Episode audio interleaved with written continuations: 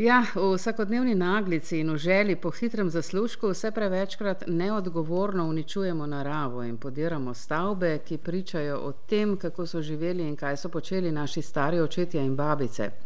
Zidamo tam, kjer so bile včasih nive, pa travniki in gozdovi, rušimo stavbe z dušo in na njihovo mesto postavljamo instant objekte, ki jih polnimo s komercialnimi dejavnostmi. Podrejamo skratka naravo in kulturno krajino. Na Krasu in v Brkinih pa bi to radi preprečili. Zelo dolgo nazaj, dva, tri tisoč let ali pa mogoče še kaj več, se že prepletajo mitska izročila iz rodika.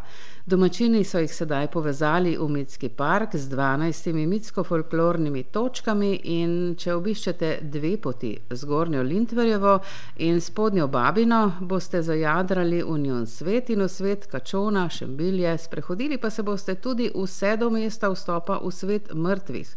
Valerija Pučko, turistično društvo Rodik. Ti liki se v bistvu v Mitskem parku pojavljajo lahko tudi v večjih oblikah. Govorimo o Lintverju, ki počiva v jezeru Čuk in kasneje o Hudiču, načeloma istem liku, ki so ga z krščansko vero nekako demonizirali in spremenili v Hudiča. Tako da vse točke v Mitskem parku načeloma niso povezane, mi ne gremo iz zgodbe v zgodbo, se pa prepletajo in predvsem to izročilo, ki nam govori, vsaka točka zase je toliko dragocena zaradi tega, ker se je v bistvu ohranila.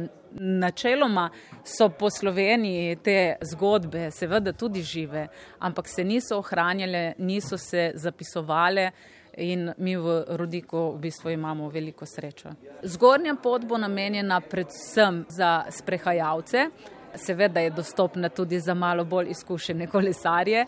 Spodnji krok, ki pa je v bistvu bolj jame in to, je pa namenjen za kolesarje. No, na vsak način pa si morate vzeti dovolj časa za sprehod. Eh, zgornji krok vam bo vzel od 2 do 3 ure, v spodnjem krogu pa je do vseh točk 15 km in pošteno se moraš potruditi, da jih osvojiš. No, tako zanimivo in koliko enih mitov od Lokve imenovane jezero pa do Lindvera, kot si omenila Sabrina. Menda pa um, še vedno obstaja reko razjasnitvi neba. Tam sem prebrala, pojma, uh, ki je izhaja nekako iz njihovega monolita baba. Baba je dvignila krilo, pravijo, če se razjasni in ob kakšnem lepem vremenu je to prav gotovo ideja. Sicer pa naši poslušalci bodo v prihodnih tednih lahko v sklopu dveh festivalov osvajali tudi Kraško in Brkinsko gmajno. Kaj pa je to? Ja, lahko bodo začeli že kar jutri, kajti v sklopu festivala Kraška Gmajna, ki se bo s številnimi dogodki zavlekel vse do konca meseca, bodo v Lipici lahko eh, spoznavali skrivnosti kraške suhozidne gradnje. Ta sodi med UNESCO-vo nesnovno kulturno dediščino no in mojster suhozidne gradnje Boris Čok eh, bo vsem predstavil mogočen kamnit suhozid, ki že stoletja varuje lipicance na pašnikih. No, zanimivo. V Lipici pa ta konec tedna bodo obeležili tudi 440. obletnico kobilarne, od petka do nedelje, seveda zanimivimi dogodki. Vrhunec bo v nedeljo zgala predstavo Lipiške šole klasičnega jahanja. Ampak vrniva se še malo nazaj na Kraško gmajno. No, pa sedajva. Festivalsko dogajanje bo vsem skupaj predstavila Ana Hrast, štic, eh, štip ptic Sežana.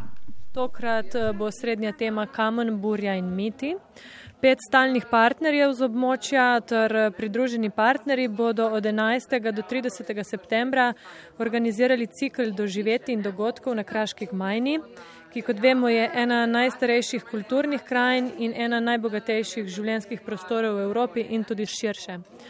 Začeli bomo že ta petek z akcijo Kraške suhozidne gradnje ob starodavnem suhem zidu v Lipici. Vse tja do 30. septembra se bo na to zvrstilo še 13 dogodkov. Festival pa se bo zaključil v Metskem parku v Rodiku 30. septembra. Krašovci in Brkinci pa se bodo pridružili tudi dnevom Evropske kulturne dediščine. Tako boste lahko spoznavali arheološko dediščino krasa, obiskali historične vrtove Vile Fabjani, spoznali dediščino družine Škaramanga v botaničnem vrtu, odkrili filmsko dediščino v Muzeju slovenskih igralcev Divači, se podali po poteh Srečka Kosovela in še mnogo drugega. No, za piko na i tej napovedi še malce oguljena, pa vendarle vedno bolj aktualna misel. Pravijo namreč, da je narod brez kulturne dediščine, narod brez korenin, zato take festivali in prireditve pripomorejo k ponovnemu ukoreninjenju. Kdaj bolj kot v tem času. Brkinci pa se v zadnjem času borijo tudi za ohranitev doline potočka Suhorca. Država bi jo namreč rada zaezila in tam napravila dodatni vodni vir za obalo. Ja, če eh, člani civilne pobude ohranimo brkine v želji po ohranitvi neokrnjene narave z zavarovanimi vrstami, v teh dneh pripravljajo številne dogodke, pohode, iščejo strokovnjake, ki bi državi vendarle uspeli dopovedati, da je potoček če dalje manj vodnat in kot tak neprimeren, da bi uspel napolniti 57 metrov visok jez. Njegov najširši del bi meril 260 metrov, povprečna globina pa bi bila 18 metrov. No in to bi zahtevalo potopitev 4,5 km dolge doline. Mario Benkoč. V bistvu bi šlo za ukinitev enega pritoka Ikija Iki, ki je pod Natura 2000 in ki v bistvu napaja park Škocijanske jame, ki je eh, svetovna naravna in kulturna dediščina.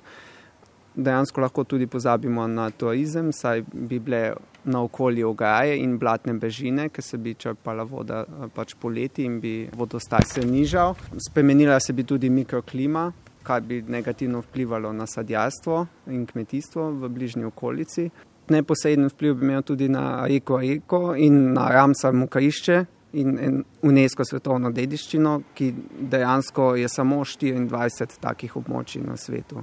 Mi podpiramo, da ima ista nek stabilen vodni vir, ne pa na račun uničenja narave, potencijalne izgube UNESCO svetovne naravne in kulturne dediščine in dejansko kvalitete življenja tamkajšnjih prebivalcev, še posebej, ker obstajajo veliko boljše rešitve. No in te so obnova in povezovanje že obstoječih bližnjih vodovodov, med drugim tudi Iljersko-Bistriškega, ki zaradi tega, ker za obnovo državi vedno zmanjka denarja, beleži kar 70 odstotne izgube. Ampak to je že povsem druga zgodba. Pa se pri njej ustaviva v enem od prihodnih lokalnih časov, seveda pa tako kot ni kar samoumevno ohranjanje narave in kulture, tako tudi ni samoumevno, da imamo pitno vodo. Tako. Sabrina Mulec, kaj rečeva po črto, tam, kjer se vijajo sadne poti, kjer obirajo jabolka in kjer eh, najprej pomislimo ponavadi na razgibano krajino in na kraški svet, je tudi mnogo zgodovine in kulture, ki jo velja obiskati oziroma v njej vsaj razmišljati, če nič drugega.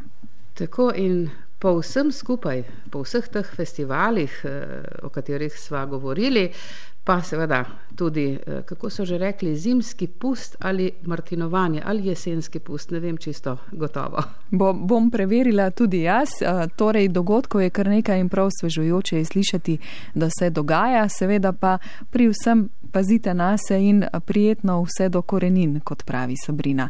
Mahamo ti v postojno in do prihodnič. Lepo zdrav.